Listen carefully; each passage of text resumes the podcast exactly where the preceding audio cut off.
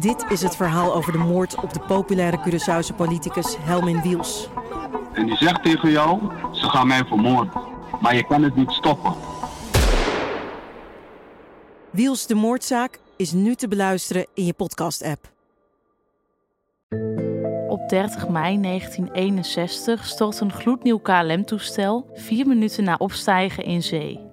Niemand overleeft de klap. En later besef je pas dat er heel weinig over is bekendgemaakt. Dit is een verhaal over botsende belangen. Het lijkt wel een betonnen muur waar je niet doorheen komt. De wil om te accepteren en toch altijd blijven zoeken. Alles wil je weten. Ik ben Julia Bokdam en dit is Van de Radar.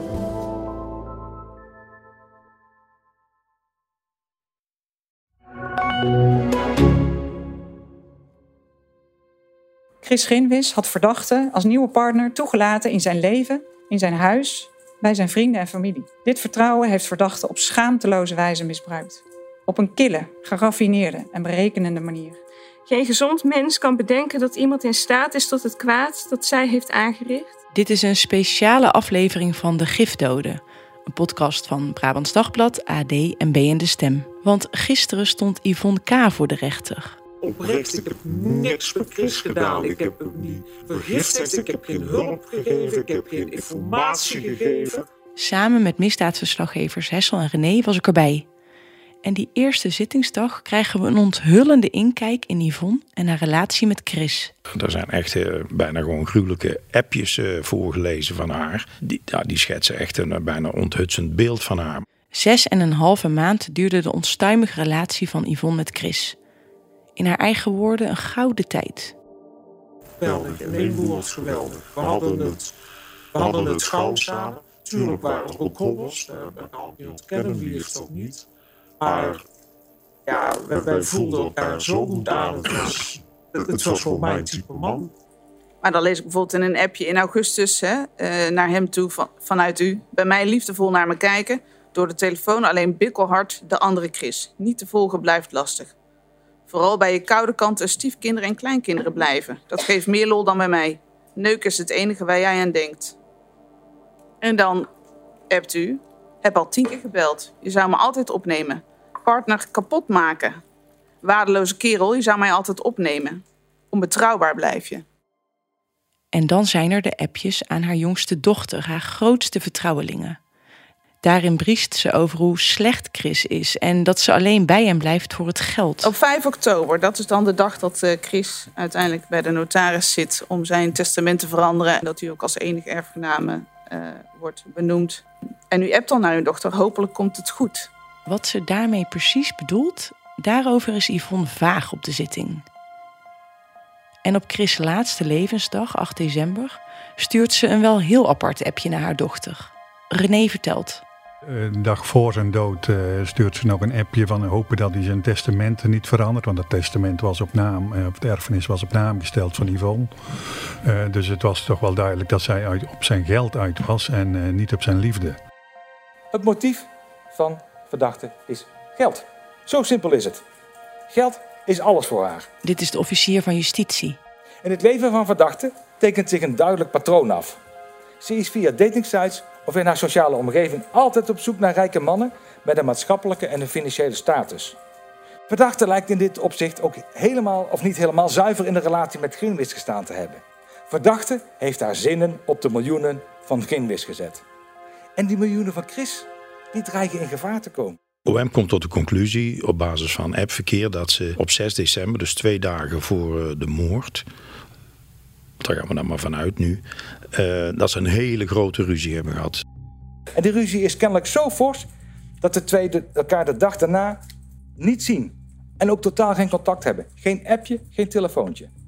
Hetgeen echt nooit voorkomt. Dat kunnen we niet genoeg herhalen. De officier heeft ook met zoveel woorden gezegd dat die laatste ruzie misschien wel eens de directe aanleiding voor haar is geweest. Dat ze in paniek is geraakt van ja verdikke me, nou gaat hij me direct onterven. En dan, uh, ik moet snel zijn, want anders dan uh, kan ik mijn huis straks niet meer verbouwen. Dan raak ik al uh, toekomstige rijkdom kwijt.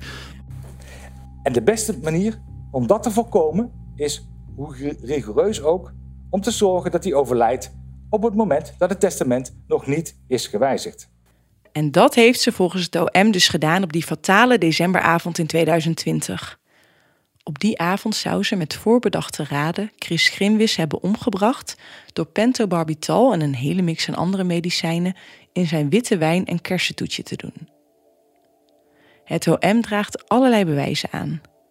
De vele ruzies, de belastende appjes, de gewiste logs van telefoongesprekken, de foto die ze van Chris maakte, slapend op de bank in precies dezelfde houding waarin hij de dag erop dood wordt gevonden, de vele zoekopdrachten naar dodelijke medicijnen en vreemde versprekingen waar daderkennis uit zou blijken.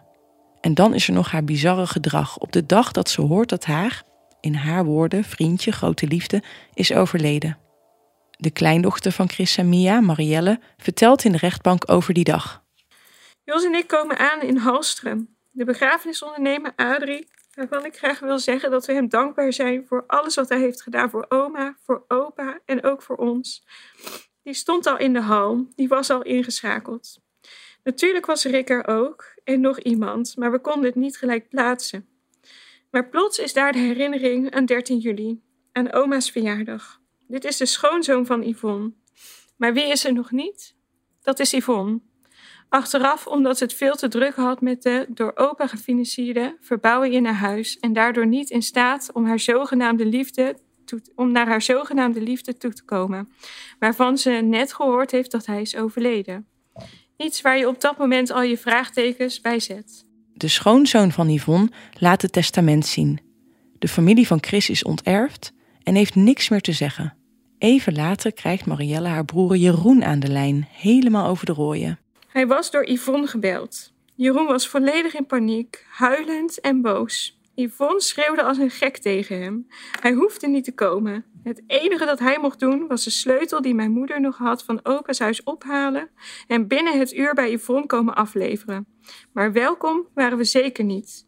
We konden opa weer zien wanneer hij opgebaard was bij haar in Tilburg. En dan komt aan het eind van de middag, uren nadat ze heeft gehoord dat haar liefde is overleden, Yvonne aanrijden. Marielle's man Jos weet niet wat hem overkomt. Jos is nog binnen, maar Yvonne had hem nog niet kunnen zien omdat hij in de bijkeuken stond. Iedereen naar buiten, schreeuwt ze, terwijl ze niet eens kon zien dat er ook maar iemand binnen was.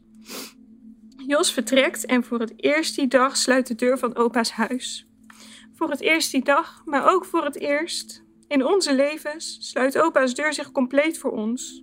Zijn familie, zijn vrienden en nabestaanden. Er is plots geen ruimte meer voor ons. Bizar en traumatisch om dit allemaal weer voor me te halen en opnieuw te beleven.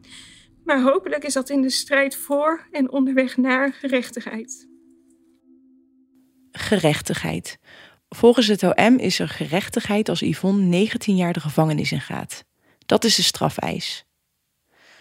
Hoe schatten Hessel en René het in? Heeft het OM genoeg bewijs gepresenteerd? Voor mij blijft dat toch wel de grote vraag. Ehm, eh, ja, ze heeft een motief, want ehm, we hebben de hele dag verhalen gehoord eh, van Yvonne K. die uit was op eh, geld. Dat was wel een overtuigend verhaal. En ja, ze had de beschikking om pentobarbital en andere middelen ehm, op de kop te tikken. Ze wist de weg.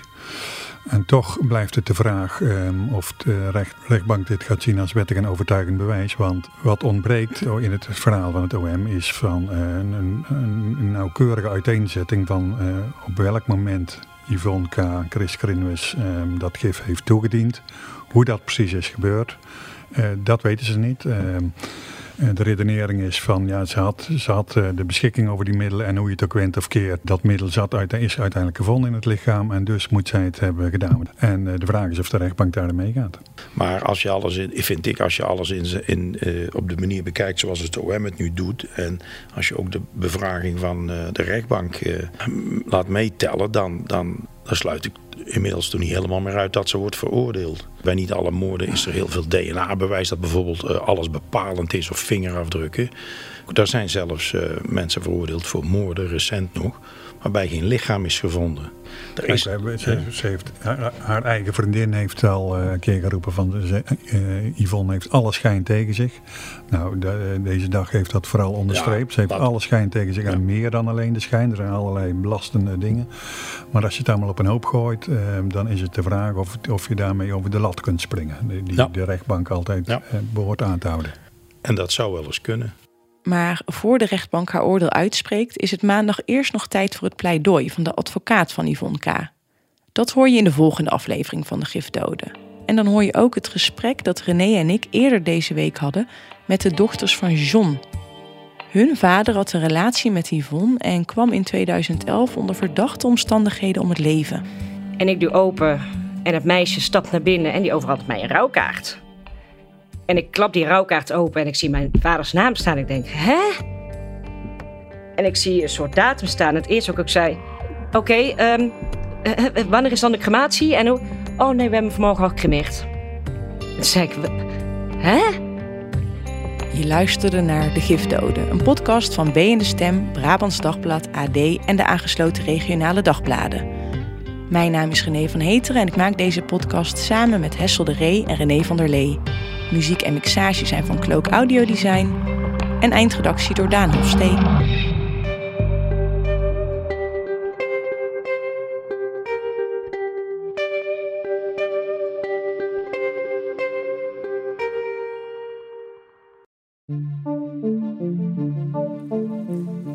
Ik bedoel het niet vervelend hoor. Maar dan denk je, ja, jij moet een woningoverval gaan doen. Jij loopt het risico en dan ga je van tevoren niet bespreken wat je ervoor gaat krijgen. Klopt, ik sta me ook ervoor. Vind je jezelf dan niet een beetje dom als je dit zo doet dan? Zeker. Op deze manier. Nou, dan kom je bij de woning aan. In de podcast De Zaak X krijg je een uniek inkijkje in rechtszaken met opnames uit de rechtszaal. Wat drijft een verdachte tot vaak bizarre daden? En wat is de uitspraak van de rechter?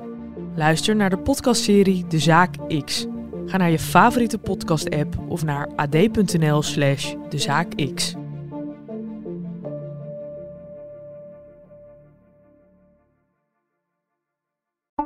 Dit is het verhaal over de moord op de populaire Curaçaose politicus Helmin Wiels. En die zegt tegen jou, ze gaan mij vermoorden. Maar je kan het niet stoppen. Wiels de moordzaak is nu te beluisteren in je podcast-app.